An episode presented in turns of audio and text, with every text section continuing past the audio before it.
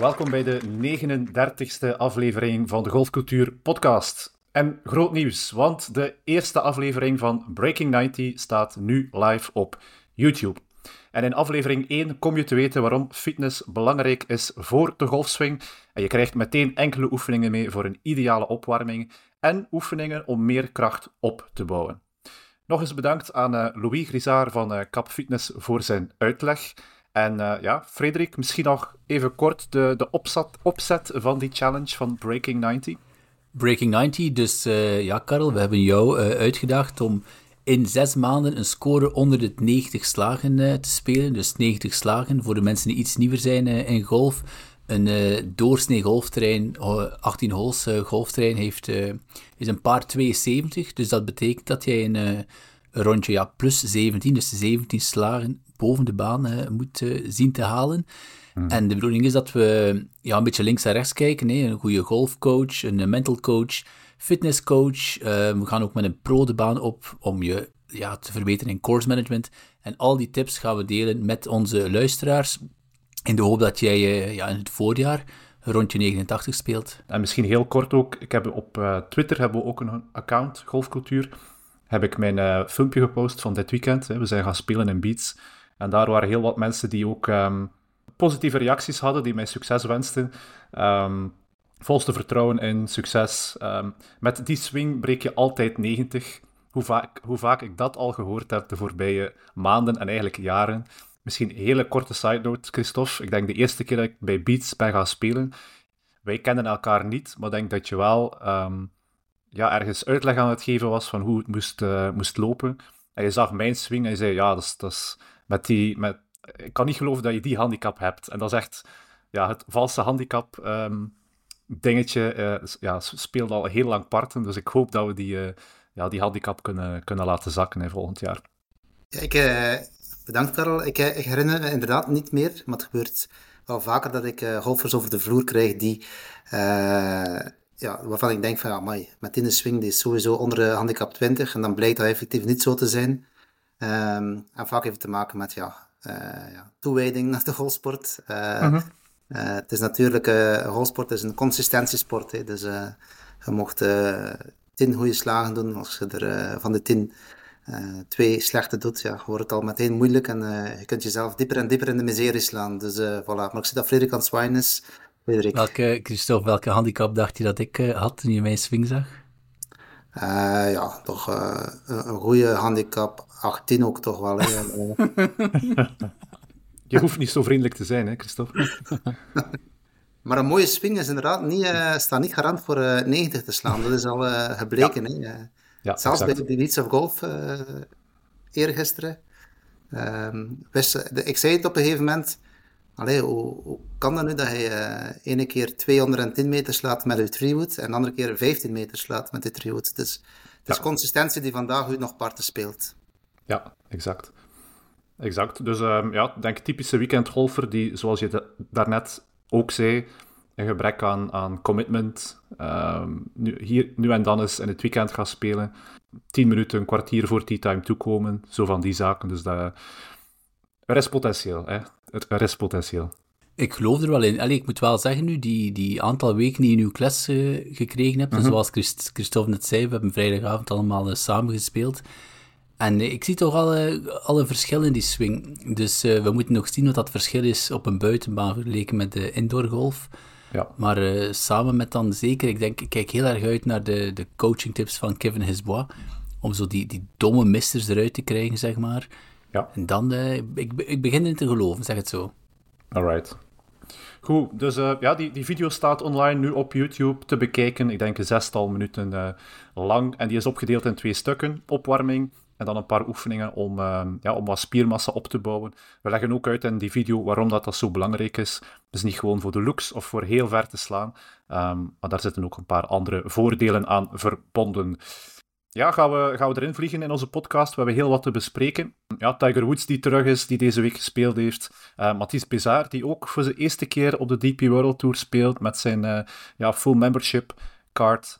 Ja, nog heel wat zaken om, uh, om te bespreken. Maar ik wil misschien beginnen met Mathis Bizar, die zijn um, introductie doet op de DP World Tour. Dat was in Zuid-Afrika dit weekend, of deze week moet ik zeggen, want hij heeft helaas het weekend niet gehaald. Op de Investec South African Open Championship miste hij daar de cut met uh, twee rondjes, 75-81. En speelde daar uh, ja, plus 12. Dus, dus zeker niet goed genoeg om die cut te halen.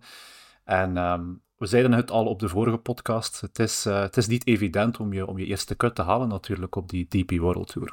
Ja, nee, inderdaad. We spraken over Justin Rose toen, hè, die een, een 10 à 15-tal uh, eerste cuts gemist uh, heeft toen hij aan zijn carrière begon op de European Tour. Nu, uh, bij Mathies Bessard zal het wel vlotter gaan, hopen we toch. Nu de eerste keer, allee, verre reis, allemaal nieuw. Het is niet, het is niet absurd. Het is ook een heel zware, fysiek en mentaal zware periode geweest, denk ik. Dus laten we vooral uitkijken naar de volgende toernooien. Hè. Dan eigenlijk gewoon meteen doorschakelen naar Tiger Woods, want ik denk dat dit wel het grootste nieuws was van de week. Alhoewel we daar ook een um, aankondiging hadden dat, uh, dat er wel iets zou kunnen gebeuren met de bal, met de golfbal. Daarover gaan we het later hebben op het einde van deze aflevering. Ja, Tiger Woods is terug op de Hero World Challenge. Frederik, misschien een hele rare vraag, maar wie is Tiger Woods? Gaan we dat toch ja. eens proberen? Nee, ik vind dat een goede vraag, want allee, een klein brugje weer naar... We gaan hier niet heel de tijd over Beats of Golf spreken natuurlijk, maar vrijdagavond waren we er toevallig. En ik zat daar aan de, aan de toog en Christophe zei tegen een van zijn uh, klanten... Ah, kijk, dat is Frederik van, uh, van Golfcultuur. En uh, ja, dat was een Antwerpenaar en je kent Antwerpenaar. Die, man, die, mensen hebben het, het hart op de tong, dat echt fantastisch is. En die, die, die mens zei als, als eerste zijn... Ah, ik luister naar jullie podcast, maar ik moet het wel soms afzetten, ze jongen is mijn impressie van een Antwerpenaar. Um, en ik, ja, ik had, hij had natuurlijk direct mijn volle aandacht, dus ik zei, ah, fantastisch, ah, vertel, hé, ja, uh, wat, wat, uh, wat kan er beter? Dus, uh, en hij, hij zei, ja, een paar puntjes van feedback. Het eerste, ja, we klinken soms te West-Vlaams. Dat klopt, excuses daarvoor, we doen ons best. Uh, het tweede was ook, we praten vaak door elkaar. Klopt ook, omdat we zo enthousiast zijn, dus ook daar werken we aan. En het derde, het derde dat, daar, ja, dat begreep ik wel. Hij zei, ja, jullie spreken vaak over zaken die ik eigenlijk ja, niet kan volgen. Uh, dus wij spreken vaak voor mensen die, die continu op Golf Digest zitten, een heel bekende golfwebsite, uh, of die alle tours volgen. Um, maar natuurlijk is golfcultuur er ook voor de, de ja, meer beginnende golfer of de minder fanatieke golfer. Dus als je vraagt wie is Tiger Woods, mensen die misschien uh, vandaag 15 jaar zijn, ja, die kennen Tiger Woods niet zo goed als uh, wij hem kennen. Dus ik dacht, uh, ik ga toch nog eventjes zelf opzoeken wie Tiger Woods is en ik kaats de bal naar jullie terug. Dus we gaan hier een klein quizje houden en ik heb jullie daar niets van verteld oh natuurlijk, jongens. Oh, ja, dus ja, ja, Eerste, eerste vraag in zijn carrière. Hoeveel PGA Tour wins, hoeveel overwinningen op de PGA Tour heeft Tiger Woods? 88. 88, Karel, hoeveel zeg jij? Ja, Christophe zegt dat met zoveel overtuiging dat, ik, dat ik 87 ga zeggen. Ja, gaat er dichterbij zijn. Karel zit er dichterbij, 82. 82. 82. Oké, okay, en dan uh, hij heeft er ook 41 op de European Tour. Dan nog een, een reeks op allerlei tours die ik niet ga uh, vermelden. En dan nog een uh, heel belangrijke, hoeveel majors? Christophe? Moet jij eerst antwoorden, Karel? Karel? Hoeveel majors? Fuck. Ah, dat is echt, dat is echt uh, gênant zelfs. Um, ik denk dat ik het weet, maar ik ben niet zeker. Fuck. Ik durf zelfs niet antwoorden. Kom, Christophe? 15. 15, correct. Dus, allee, voor de mensen die niet zo... Zijn 12. Ik zijn 12. Oh, voilà. Dus voor de mensen die, die zich altijd afvragen, waarom zie ik hier uh, 70% van de tijd dit weekend Tiger Woods op tv? Dat is waarom, hè. En om even te zeggen hoe, hoe goed hij was in zijn prime... Dus in 2000, ik denk dat dat ongeveer zijn beste jaar was, heeft hij negen keer gewonnen. Inclusief de US Open op Pebble Beach met 15 slagen voor op de tweede. En hij heeft ook uh, de British Open gewonnen dit jaar op St. Andrews met 6 slagen voor. Dus uh, alsjeblieft, dat is uh, Tiger Woods. Ja, en misschien ook niet onbelangrijk, hoeveel keer heeft hij al zijn comeback gemaakt? Ik denk vier of vijf keer? Vier keer, ja. Zijn vierde comeback rugpatiënt, dus hij heeft vaak een rugoperatie gehad, waardoor hij uh, telkens ja, voor lange tijd uit was. Zijn laatste comeback was dus wel uh, ja, magnifiek, die eigenlijk vervolleerd werd met ehm, de Tour Championship dat hij won. Ik weet niet of jullie die beelden herinneren van uh, de duizenden, duizenden mensen die hem volgen op hole 18 samen met Rory McIlroy. Ik vond dat een van de mm chicste dingen om te zien op golfgebied. uh, welke fenomeen dat, dat was. Ik ben eigenlijk pas bijna half in 2012. Dus ik heb eigenlijk de grote hype van Tiger ook wel wat gemist, moet ik eerlijk zijn. Dus ik begreep het niet goed. Iedereen was er altijd over bezig. Maar toen ik dat gezien had, was, ben ik ook wel instant fan geworden van Tiger. Uh, en dan heeft hij natuurlijk het jaar erop de Masters met hij gewonnen. En natuurlijk dan ongelukkig uh, het uh, zware auto-ongeluk waarbij dat zijn been verbrijzeld was. en dus nu inderdaad zijn vijfde comeback. En ik heb gekeken en moet ik zeggen, hij ziet er wel fantastisch goed uit. Ik vind fysiek even goed zoals toen hij de Tour Championship won. -huh. Want toen was het ook al eigenlijk een beetje van, ja, is mijn fysiek goed genoeg? En ik vind dat hij mankt niet meer of niks. Dus ik weet niet of jullie gekeken hebben. Ja, ja, zeker. Ja, hij ziet er nog breder uit, wat dat echt absurd is, want hij zag er al uit als een eh, Navy SEAL, het is nog erger. Hij zegt wel inderdaad, hij heeft geen last van zijn enkel en hij mankt niet meer, loopt ook nog altijd een beetje vreemd, maar dat manken van, van een jaar of twee jaar geleden is weg. Um, maar hij zegt wel dat hij op andere plaatsen nu, dat, dat zei hij, dat het verplaatst zich altijd in het lichaam. Hè. Als er één deel dan ja, um, oké okay is, dat, dan moet die, die, die klap, hoe zeg je dat, die stress gaat naar ergens anders in zijn lichaam. En ook niet onbelangrijk, het is altijd een beetje een patser geweest. Um, hebben het Hanse seksschandaal of affaire-schandaal gehad natuurlijk, waar dat ook de niet-golfers hem van kennen. En dat blijft dan wel wat hangen in de achterhoofden. Uh, maar als je hem vandaag, nu op zondag, zag toekomen met zijn rood shirtje aan, uh, ja, niet aan, mee. Ja, het is, uh, wat is het, Marcelleke aan of zoiets, weet ik veel. Marcelleke, ja. Met zijn rugzak aan, met zijn, um, had hij zijn pet aan achterstevoren, meestal. Uh, ja, het is, het, is, het is een beetje een patserij. Het is... Um...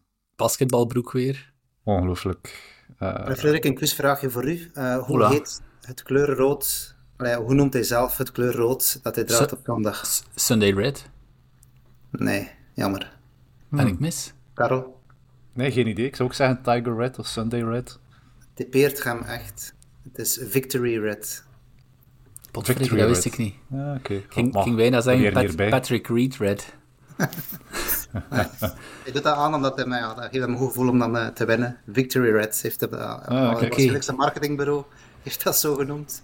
Ja. Uh, maar in elk geval is het zo gekend, ja. Maar dat is ook zo'n dingetje, nee? elke zondag draagt hij rood. Dat is, geen enkele andere golfer heeft zoiets, maar Tiger Woods dan weer wel. Ja, en, en bijna geen enkele andere golfer buiten, ik zei het net, Patrick Reed durft het aan om dan op zondag in zwart en rood te spelen. Hè? Inderdaad. Ja, zijn kleuren. Ja. Zijn kleuren. Ja. Mhm. En wat Tiger Woods, ik denk dat we hem Tiger Woods uh, de GOAT mogen noemen, toch? Hè? Dus uh, er is wel nog altijd een beetje discussie omwille van zijn aantal majors, waarbij dat hij niet uh, meer heeft dan.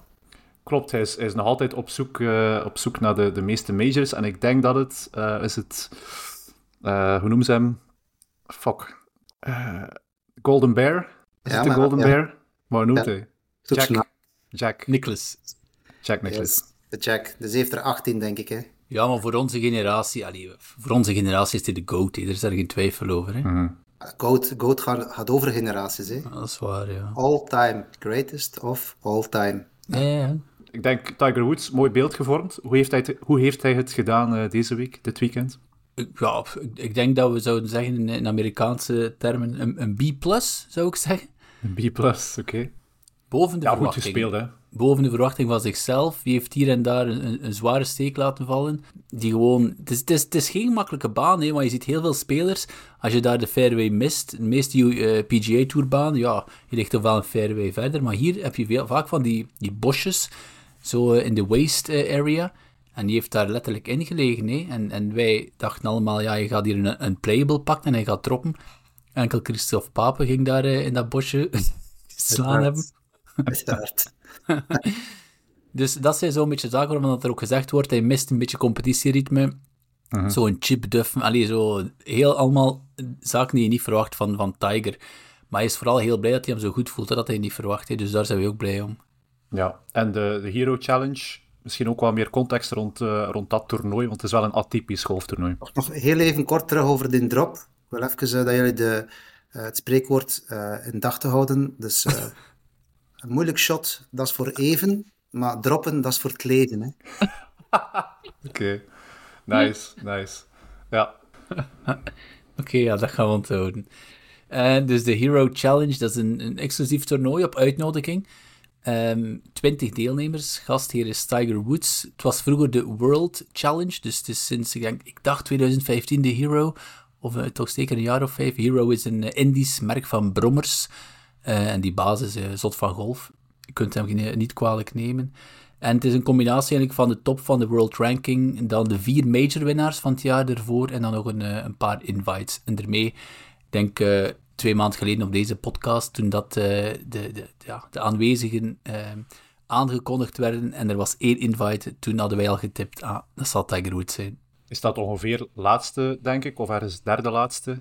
Maar als je ziet wie dat er rond hem staat, heeft hij het inderdaad wel niet zo slecht gedaan. Hè? Ik denk, moest je het vergelijken met een, uh, een toernooi met een vol veld van 150 man, uh, dan zou het hem rond de cutline gespeeld mm hebben. Want het is wel een heel moeilijke koers, dus je speelt uh, na twee dagen even paar of min 1? Of... Plus 1 nu staat hij. Ja, nu, ja. ja maar sorry, ik denk sorry. dat hij even was na twee dagen, dus dat zou mm -hmm. volgens mij binnen de cutline geweest zijn. Dus al, mm -hmm. voor mij is het wel uh, zeer hoopgevend dat hem uh, back is to stay a couple of years. Hè. Dus uh, nog zeker twee, drie jaar zou ik hem graag bezig zien. zeker op de majors, maar liefst wat meer dan de majors. Want hij legt altijd een beetje zijn eieren altijd in dat mandje van de majors. Maar je ziet dat hij competitieritme mist. Dus hopelijk breidt hij er nog redelijk wat andere toernooien ook aan vast. Ja, maar daarom komt hij nu al in actie, denk ik. Het is echt wel... Ik denk dat hij zelf weet dat hij er niet 100% klaar voor is, maar hij zei ook wel direct in zijn persconferenties, hij denkt dat hij één toernooi per maand zal aankunnen. Dus dan denken we natuurlijk aan de signature events op de PGA Tour. Dus de meest belangrijke toernooi met een beperkt deelnemersveld. Enkel de top 50 van dit jaar mag daaraan deelnemen.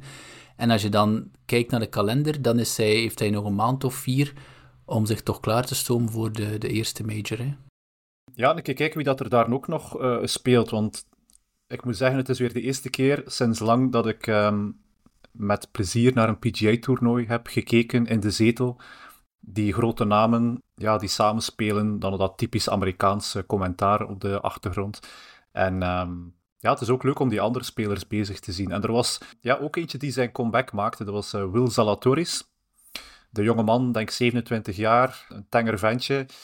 Maar een enorm sterke speler. Heeft op uh, heel korte tijd echt uh, omhoog geschoten op die wereld golfranking stond denk ik top 10 of zelfs de tiende plaats op een bepaald moment en heeft um, ja, vorig jaar voor de eerste major van het jaar, de typische eerste major van het jaar op de Masters, heeft, heeft hij moeten forfait geven omdat hij ja, iets voelde in zijn rug en niet verder kon spelen. Hij heeft dan um, een rugoperatie ondergaan, wat dan blijkbaar dan ook dezelfde chirurg was um, als Tiger Woods. Dus die delen dezelfde chirurg.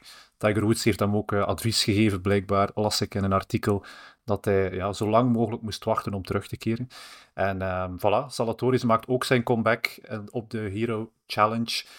Doet het veel minder goed dan Tiger Woods. Uh, heeft ook een andere putter mee, heeft zijn swing wat aangepast. Dus ja, ik denk dat het voor uh, jonge Will Zalatoris moeilijker zal zijn om um, terug echt in vorm te raken dan, dan een Tiger Woods zelfs. Ik weet niet, heb je Zalatoris zijn, zijn putter gezien?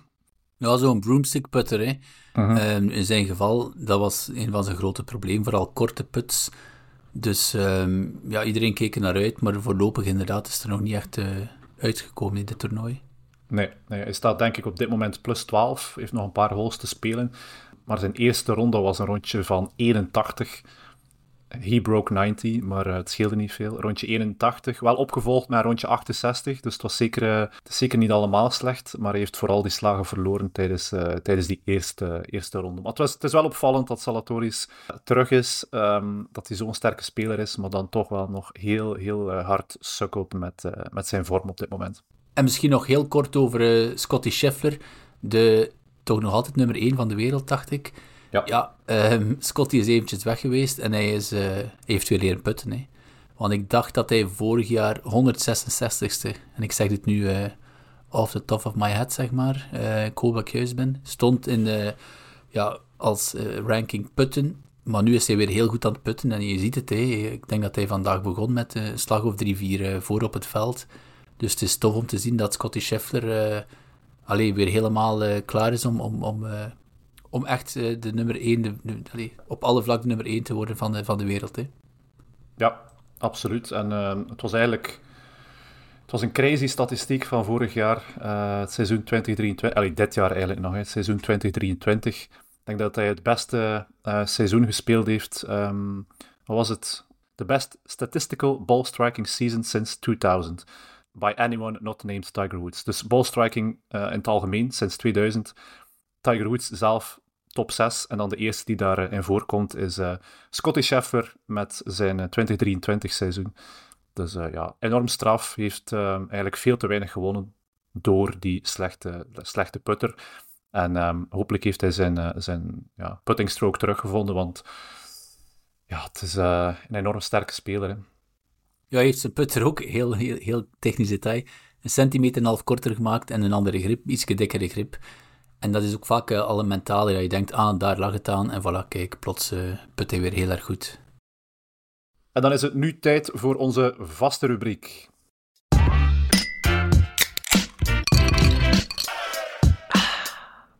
In de Halfway House bespreken we iets wat ons is opgevallen op of naast de golfbaan. Misschien een linkje naar, uh, naar ook weer beats van uh, afgelopen weekend. Frederik? Ja, wel, ja, wij, uh, wij waren daar en ik zag een, een koppel van middelbare, ja, wat is middelbare leeftijd? Ik zou zeggen een koppel van 55, zoiets, tegen aan de 60 binnenkomen. En mhm. die waren zo, ze waren er nooit geweest, denk ik, zo een beetje aan het kijken, want ja, wat is dat hier allemaal? Ziet er wel plezant uit. Um, en dan eerst iets gedronken aan de bar. En dan na een half uurtje gingen ze erop wagen. En dus, uh, voilà, die mensen, uh, duidelijk beginners, misschien ooit eens een initiatie gevolgd op reis. En dan met heel veel goesting hun eerste of tweede of derde golfballetje slaan. Um, ja, het zag een heel leuke date uit, zeg het zo. Yes, en het thema is dan in feite, moet iedereen op de club, um, of op een, op een normale golfclub, klassieke golfclub, eigenlijk op die manier spontaan een balletje kunnen slaan. Zonder het ganse start-to-golfpakket of een initiatieles specifiek te gaan, eh, te gaan boeken. Ja, mijn mening uh, is daar een beetje genuanceerd in. Uh, laat me zo zeggen, ik ga ehm, jaarlijks gaan golfen in Engeland met mijn amigo Karel. En daar spelen we heel vaak public courses. En dat is misschien wel iets dat een beetje in het Vlaams golfbeeld ja, mist, vind ik daar. Want op de public courses is iedereen welkom, uh, kan iedereen ballen gaan slaan uh, en kan iedereen zelfs de course op. Uh, er wordt er niet gevraagd naar uw handicap, er wordt er niet gevraagd naar uw GVB-attest, of ze noemen dat nu ondertussen Route 36. Mm -hmm. dus ja, mijn mening is wel, ja, er zou toch veel meer toegankelijke clubs moeten zijn dan dat er vandaag zijn. Dus voilà, dat is mijn mening. Er zouden veel meer clubs moeten zijn waarbij dat mensen zich uh, dermate welkom voelen om uh, zonder enige hoofdervaring wat ballen te komen slaan met gezin of met mijn maten. Ja, je hebt zo de approach in de knokken, dacht ik. Dan denk ik daaraan. Dat is natuurlijk geen volwaardige golf. Um, en dan, ja, ik denk nu, want er zijn wel een aantal golfclubs waar, waar zo bij de ingang een groot bord staat: iedereen welkom. En ik heb dat eigenlijk ook nooit echt helemaal gesnapt. Uh, dat staat trouwens ook op, mijn, uh, op een bord bij mijn homecourse. Want ja, iedereen is wel welkom. Je kunt daar een pint gaan drinken. Het is, het is, want je hebt natuurlijk ook privéclubs waar niet iedereen welkom is, tenzij je een, een, lid bent. Maar iedereen welkom. Maar ja, het is niet dat je dan, Christophe, zegt van een bowlingzaal binnenstapt en zegt: Ik ga hier nu betalen en ik ga hier met je ballen slaan. Maar ik vind wel dat er heel veel mogelijkheden zijn voor initiaties. Ik denk sowieso al één zaterdag op het einde van de maand. Maar als ik dat in mijn eigen club zie, ik zie er nog heel vaak zo initiaties. Dus ik, zou zeggen, in Engeland is er veel meer plaats daarvoor. Dat is er is het, enige, het eerste al. En mocht er natuurlijk de mogelijkheid zijn dat een Golf Vlaanderen of op, op eh, federaal niveau, dat er plaats is in België om te zeggen, we gaan hier in elke provincie een, een publieke, echt publieke baan leggen waar iedereen op mag, uh, of je nu al ooit op een bal geslaan hebt of niet. Maar anderzijds zou ik toch liever houden zoals het vandaag is, om te vermijden dat als ik op de driving range sta, en of, of op de putting green, ik wil echt practicen, en dat staat daar, ja, continu vol met mensen die niks van golf kennen, die daar ballen alle richtingen uitslaan, ook misschien met het nodige gejoel en, het, uh, en, en, de nodige animatie. Zou ik, zou ik zeggen dat er vandaag eigenlijk in, in, in Vlaanderen al genoeg mogelijkheden zijn voor iemand die echt interesse heeft in de golfsport om ermee te beginnen, zonder meteen een Route 36 eh, te moeten volgen. Ik denk dat inderdaad die, uh, het plaatstekort en het, ja, het plaatstekort en, en het capaciteitstekort gewoon de grote boosdoener is. Je moet nu al eens gewoon de, de baan opgaan hoeveel er geklaagd wordt over startende golfers die, niet, die de regels niet kennen of die uh, hun tas verkeerd zetten of te traag doordoen ja, moet je da als je daar dan effectief dan, uh, ja, die, die, die, die golfers zonder um, rijbewijs, zogezegd, uh, op de baan zou laten, dan wordt dat wel een moeilijke. Ik denk, wel, ik denk ergens wel op de driving range zou het misschien wel leuker zijn om ergens een, ehm, ja, een manier te vinden om niet-golfers gewoon uit te nodigen en ik zeg maar iets op, op één avond, de vrijdagavond, een donderdagavond, dat ergens te gaan communiceren van kijk, iedereen welkom, kom een balletje slaan. Goed, de andere golfers van de club weten dan ook dat er een paar niet-golfers op de, op de range gaan staan, die waarschijnlijk ook wel wat luider gaan zijn um, dan de, de typische oefen, oefenende uh, golfer. Maar dat lijkt mij zo'n tussenoplossing die misschien wel interessant zou kunnen zijn om een klein beetje dat gevoel te kunnen creëren zoals dat je bij een Beats had. Van letterlijk twee mensen die op zijn zondags bijna gekleed waren, uh, aan het kijken waren naar de golfers, geïnspireerd raakten en dat eigenlijk ook wel zelf is wel te doen. Um, ik vind ergens dat, we, dat, dat er daar zeker nog potentieel is om, ehm, om, om stappen te zetten. En, en inderdaad, niet golfers zonder enige commerciële insteek om die dan effectief lid te laten worden.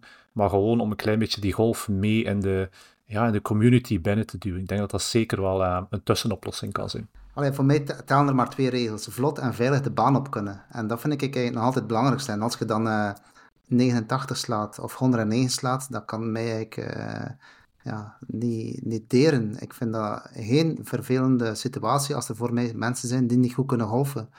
Uh, ik noem ze, op vele golfclubs heb je de Rabbits for Life. Dus die mensen raken nooit, like bijvoorbeeld op jullie club, uh, Frederik, moet je handicap 36 zijn op de grote baan, noemen ze dat dan nog, hè? de grote mm -hmm. baan.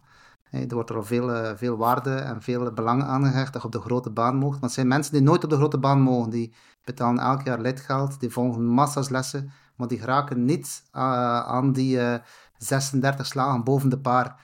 Uh, dus die mogen nooit op de grote baan. Dus het moet nogal tof zijn voor, voor je zelfvertrouwen, voor je zelfbeeld. ik ben een rabbit for life. Dus ik vind dat zeer tekenend en, en eigenlijk, ja, ik vind dat eigenlijk wel een zeer negatief aspect van de holsport in Vlaanderen. Ja, ik kan daar misschien wel op antwoorden, want, want bijvoorbeeld mijn pa is iemand die gestart is met golfen. En dat is ook zo'n rabbit for life. Die, die is op een heel late leeftijd gestart. Heeft misschien niet die feeling um, als dat hij zou gehad hebben mocht hij andere sporten geprobeerd hebben of er vroeger mee begonnen zijn. En die raakt niet aan die, um, aan die handicap om inderdaad op de grotere banen te spelen. Ja, en dat, dat frustreert hem wel ook ergens. En dat begrijp ik ook wel, dat hij, dat hij zegt, ik mis één à twee handicappunten om, om eens ja, andere banen te proberen. En ja, ik vind het moeilijk, want aan de andere kant denk ik ook... Jij, jij maakt er geen, geen punt van, Christophe, dat er, dat er starters op de baan uh, zijn die, die als ze goed vlot spelen ook op de baan mogen. Maar hoe vaak heb ik al gehoord uh, tijdens, mijn, mijn, tijdens de clubwedstrijden vooral van...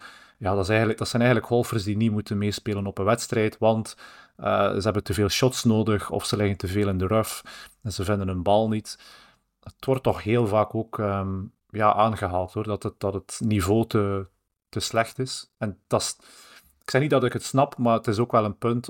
Je wilt dat je zo, zo stressloos kunt, zo stressloos mogelijk wil, wil spelen en niet altijd in je hoofd zit met ah, er zijn spelers op de baan die eigenlijk niet mee kunnen met, met de rest van het niveau. Ja, we moeten natuurlijk opletten dat we hier niet een, een heel andere discussie beginnen, nu plots over de Rabbits for Life. Nu, ik wil wel zeggen, één, die kleine baan bij ons, dat is eigenlijk ook wel een heel leuke baan. Ay, dat is een, een volwaardige 9, 9 holes, heel uitdagende 9 holes, zou ik zeggen. Dat lidgeld is ook goedkoper dan op de grote baan. En ik ben daar misschien iets snobistischer in, zou ik zeggen, maar ik vind het niet oké om op de grote baan te komen, daar 115, 120 slagen te doen. Want dan, als je met vier, want onze club die, die zit helemaal vol elke flight in het weekend zit vol. Hè. Je, je, moet niet zeggen van ik ga met, met ons tweetjes gaan spelen. Ja, er gaan twee mensen bij komen staan. Gewoon omdat er, ja, omdat er, kan niet zeggen, een capaciteitsprobleem is, zo zou ik het niet noemen. Maar gewoon die baan wordt, wordt vol een bak gespeeld. En als je dan in een flight zit met twee mensen die 120 slaan, of je hebt een flight voor je van vier mensen die 120 slaan, dan, ja, dan kan je beter op een baan die makkelijker is voor jou spelen. Dat, dat vind ik wel belangrijk. Speel op een baan die aangepast is aan jouw niveau.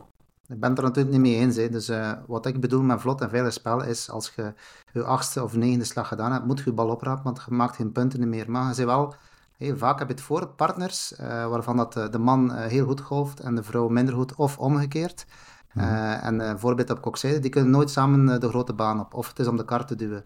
Maar die kan niet eens meespelen. Dus ik vind dat, ik vind dat gewoon... ik vind dat gewoon verkeerd. Allee, dus dat is mijn mening daarover. ik snap de mening van, ja, het, Oké, als ze dan niet volgen de regels, als ze blijven spelen en telkens maar 25 meter ver geraken, allee, bon, na acht slagen moeten ze de bal gewoon oprapen en naar de volgende hole wandelen. Ja, dan blijft het toch geen probleem te zijn. Maar ik ben bijvoorbeeld een, van handicap een lage handicapper en ik speel ook niet snel. Ik neem ook mijn tijd bij elk shot en mijn tijd op de greens en zo verder. Ze zeggen ook vaak tegen mij ja, dat ik veel te veel tijd neem op de greens, maar ja, er is nu eenmaal uh, doelstelling om zo laag mogelijk te scoren, dus dan moet ik daar ook mijn tijd voor nemen. Dus het is niet altijd zo dat de slechte golfers heel traag zijn. Nee, dat is waar, want zij spelen ook vaak van voorste tees en wij spelen van de achterste tees. En dan is eigenlijk al heel moeilijk voor ons om genoeg voor te blijven. Maar wat ik wel wil zeggen, en dan moeten we echt verder naar het volgende. Maar het klopt niet helemaal wat hij zegt, Christophe. Want in jouw filosofie mag eender wie eigenlijk gewoon daartoe komen, een uh, golfzakje huren en die baan op. Maar die mensen kennen niks van golf, dus die weten niet dat ze na acht slagen de bal moeten oprapen. Hè? Dus die gaan daar gewoon blijven timmeren op die bal totdat ze aan de, aan de green zijn. En dan weten ze waarschijnlijk op de green ook nog niet welke club moet ik nu juist gebruiken. Dus allee, er zit wel iets in dat er een bepaalde regelgeving en opleiding moet zijn voor je echt op een op een championship course, want dat is waar wij, wij spelen een championship course, uh, voor je daar toegelaten wordt. Vlot en veilig, dat is wat ik zei. Dus, uh, ik ga de halfway house uh, afsluiten met, um, met de term it's complicated. Ik denk niet dat we het gaan oplossen vandaag.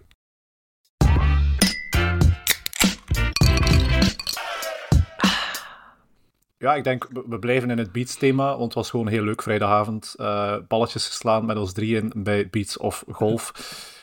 Ik heb daar uh, natuurlijk de intro begonnen met Breaking 90. Hè. Ik wil 90 breken op Terhille op de baan, op de Championship Course op Terhille, um, tegen 1 mei 2024. Stel dat ik dat gedaan had vrijdag, dat ging al heel vroeg geweest zijn in de Breaking 90-series. Um, ehm, maar zouden jullie dat uh, evenwaardig vinden als de outdoorbaan 90 breken? Als je het vrijdag had gedaan, wel. Oké, okay, waarom? Ik leg uit, omdat mhm. de eerste keer dat je indoor golft, is het echt wel uh, aanpassen. Het chippen en het putten is echt moeilijk. Je, moet die, je hebt geen dieptezicht, dus je moet alles op nummers spelen. 15 meter chip, een 12 meter put. Dat is niet, niet evident. Maar speelt je ehm, vijf keer indoor golf, dan, um, dan zou ik niet meer goedkeuren.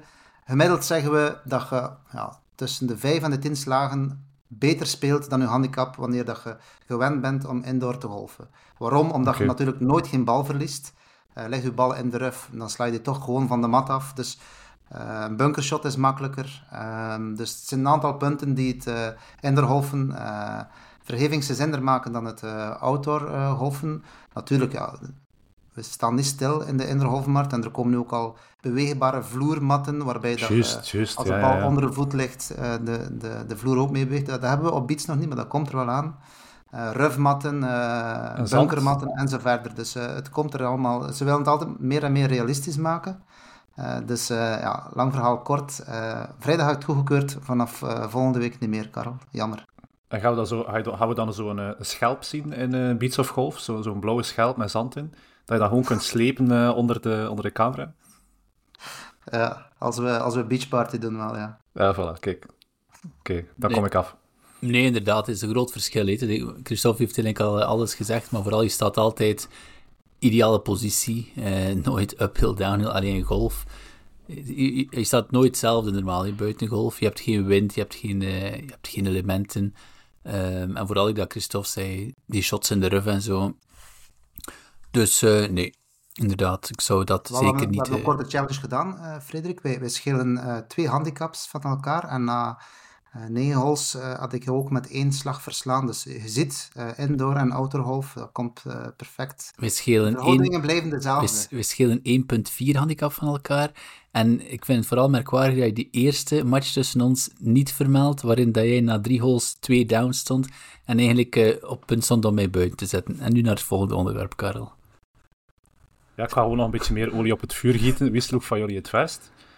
Oh, Christophe, ja, Christophe. Ah, toch? Oké, ja. Er zijn nog zekerheden. Want um, ja, deze week, ik weet niet of dat begin deze week was of eind deze week, kwam het nieuws dat er uh, toch wel iets gaat gebeuren aan die afstand. Die steeds langer wordende afstand, vooral dan op um, professioneel niveau. Maar het zou ook wel uh, implicaties hebben voor het um, amateurniveau of het recreatieve niveau. Ja, er wordt dus al jaren gesproken dat eigenlijk de, ja, de prachtige golfbanen, de bekendste ter wereld, dat die te kort worden voor de, de professionals, omdat die alleen maar verder en verder en verder gaan slaan, in combinatie met uh, manufacturers, dus denk maar aan TaylorMade, Callaway, etc., die alleen maar drivers maken, die verder gaan, die ballen maken, Pro V1's van Titleist, die verder vliegen, dus de banen zijn te kort. Augusta heeft altijd maar eigenlijk hun baan langer en langer uh, gemaakt, zeg maar. Dus er wordt al een paar jaar gezegd, er moet daar iets aan gedaan worden. Dus de officiële organen, de RNA en de USGA, dus enerzijds de Amerikaanse kant, anderzijds de Britse kant, hebben al allerlei scenario's uh, voorgesteld. En ja, wat er al even op tafel ligt, was eigenlijk een andere bal voor pro's dan voor amateurs. Dus de pro's zouden met een bal moeten spelen die hen ja, 15 à 20 yards korter laat slaan.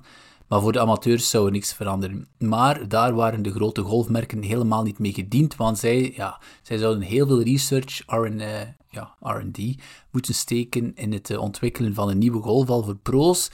En dan hebben ze zoiets van, ja, die, die amateurs hebben daar dan niks aan, dus zij waren eigenlijk niet akkoord. Dus nu, het zou volgende week aangekondigd worden, het is officieel, er zou één golfbal komen voor iedereen, zowel voor pro's als voor amateurs. En dat is natuurlijk, ja uh, de golfwereld staat weer in rep en roer. De ene pro's zijn uh, ja, pro, de andere zijn tegen. Iemand uh, die heel erg pro is, is Rory McIlroy. Die zegt eigenlijk, ja, waar, waar maken jullie zo'n drama over? Het gaat over 5%. dus ik denk dat dat iemand die normaal nu 230 meter slaat, wat gaat hij dan 228 of zo slaan? Hopelijk heb ik dat hier ongeveer juist berekend. Nee, is dat mis, Christophe? de pro's ook, die zouden 15 à 20 yards uh, verliezen, dus die maakt er geen drama van. Anderen dan, als een Ricky Fowler, ja, die, die schreeuwen moord en brand. Uh, Justin Thomas is er ook helemaal niet over te spreken. Zij hebben zoiets van, ja, golf verandert, uh, we moeten gewoon golf gaan spelen op andere banen. Die, die, die, ja, die topbanen, denk maar, natuurlijk de bekendste is St. Andrews in, in Schotland. Um, en dat is waar, die baan is, is, is, ja, we hebben dat gezien, wat was twee jaar geleden, uh, zeer zomers weer uit St. Andrews. Er werd daar min 20 gespeeld. En dat is geen score die je wil op een, uh, op een major. Dus als alles gaat zoals nu gepland, gaat er in 2028 gaan de pro's eerst met die ballen spelen, gedurende twee jaar. Amateurs, wij dus, blijven nog met onze ballen van nu spelen. En dan vanaf 2030 speelt iedereen met de bal die minder ver vliegt. En dat is al officieel? Of is het enkel nog maar een voorstel? Nee, nee, nee. Het zou volgende week officieel aangekondigd worden. En nu is het al gelekt in de pers. Dus 2, uh, 5% op 230 meter uh, is 12,5 meter ervan af. Sorry, 11,5 meter ervan af. Om eerlijk te zijn, uh, I couldn't care less uh, van die... Ja, de, inderdaad, dat maakt weinig verschil. Ik vind dat wel, ja, als het toch zo weinig verschil maakt, waarom, waarom veranderen ze het dan? Allee. Ja, op 300 meter is 5% meer natuurlijk. Hè. Ja, maar het is heel veel stemmen die opgaan die zeggen, ja, gaan de short hitters nog meer benadelen. Want in plaats van uh, met een ijzer 7 in komen, gaan die mannen met een ijzer 6 in moeten komen. En de long hitters, en in plaats van een pitch, een 9 mhm. naar de green mm slaan. Dus wat dat de, ja, qua nauwkeurigheid wel een gigantisch verschil is. Uh, ijzer 9 ten opzichte van ijzer 6. Ja. Dus uh, ja, dus ik denk, uh, ik denk, ik vind het een heel rare beslissing en waarschijnlijk zijn er een aantal verborgen agendas die we niet kennen. Eh, die erachter zitten, maar eh, meer kan ik er ook niet over zeggen. Christophe weet meer. Nee, ik weet echt niet. Nee, maar volgens mij zit daar uh, heel veel lobbying van heel machtige mensen in de, in de Amerikaanse en Britse golfwereld, die dus verbonden zijn met die traditieclubs. En het zijn die traditieclubs die willen mhm. dat er minder ver geslagen wordt. En dan in combinatie inderdaad met de manufacturers, uh, die geen geld willen investeren in een bal die ze niet kunnen verkopen, maar ze moeten miljoenen investeren om een bal te creëren waar enkel pro's mee zouden spelen. En ze kunnen die bal niet eens verkopen aan het gewone publiek, dus dat komt er ook nog eens bij. Dat is ook wat Rory zei, want zowel Rory als Tiger waren voorstander voor twee afzonderlijke ballen. En Rory zei, it's all about the money.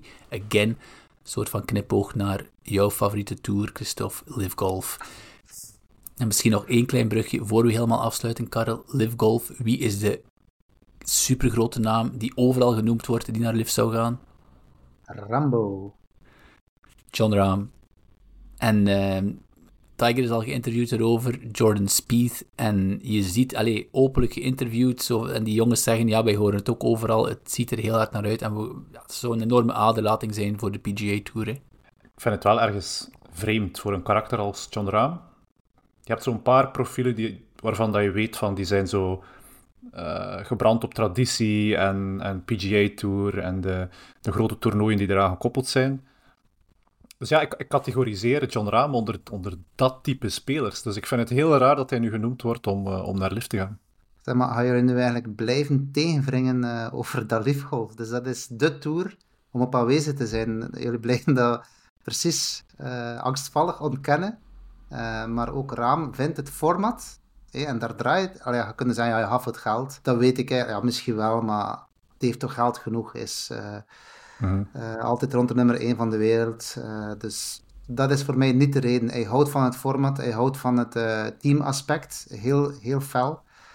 met z'n, er zitten een aantal Spaanse maatjes ook bij, dus... Um, ja, ik zou dat wel goed nieuws vinden eigenlijk. En het wil niet zeggen omdat hij naar Lief gaat, dat hij niet meer op de PGA Tour gaat spelen. Nee. Dus, Nee, want Jay Monahan, dus de, de voorzitter, de president van de PGA Tour, heeft net ook weer aangekondigd dat hij volgend jaar, uh, sorry, volgende week nog eens samen zit met, uh, hoe heet die Saoedische, wat is het, een prins of uh, toch die man met zoveel geld? Ja, zwart. Dus hij zit subiet nog eens samen met dus de, de baas van de PIF, moeten we zeggen. De PIF is het overkoepelend orgaan, waar, ik weet niet, um, ehm, 600 miljard in zit of zo. Um, dus inderdaad, het is de bedoeling om, een soort overeenkomst. En er werd ook gezegd dat Raam in zeg wou in het format. Hij wou een aantal zaken veranderen, geloof ik. Dus dat zal ook wel, uh, wel meespelen. En oké, Raam heeft veel geld, Christophe, maar uh, eh, 600 miljoen, dat heeft hij niet. Dus um, ja, iedereen heeft zijn prijzen waarschijnlijk. dat weten we niet, dat kunnen we alleen maar speculeren. Hè. Maar, ja, dat is waar. Je gaat niet gaan alleen voor het geld, daar ben ik 100% zeker van. Dus, uh, nee, wel, exact. Ik, ik, ik, denk ook dat dat, uh, dat dat een type speler is die het echt wel wil doen, omdat hij, omdat hij er volledig achter staat en niet inderdaad puur, puur voor die centen. Absoluut. Ah, hij is, um, hij is sinds uh, Seve Ballesteros de meest bekende en meest beloftevolle Spaanse golfer. Die, had, die wil de legacy uh, opbouwen, exact, volgens mij. Exact. Dus voilà, dus dat, dat en blijkbaar ziet hij Live als gedeelte van zijn legacy. Dus uh, denk daar maar eens over na. En on that bombshell ga ik verder kijken naar de Hero Challenge. Uh, ik denk dat Tiger Woods ondertussen al uh, aan het afronden is. Um, ja, top aflevering weer. Bedankt voor jullie bijdrage, heren. Um, en voor de luisteraars wil ik nog even een call to action lanceren om ja, eens uh, naar YouTube af te zakken en daar golfcultuur Breaking 90 in te typen. En um, ja, is een reactie te laten onder die, uh, onder die eerste video van Golfcultuur op YouTube. Bedankt om te luisteren en uh, tot de volgende. Tot ziens. Ciao.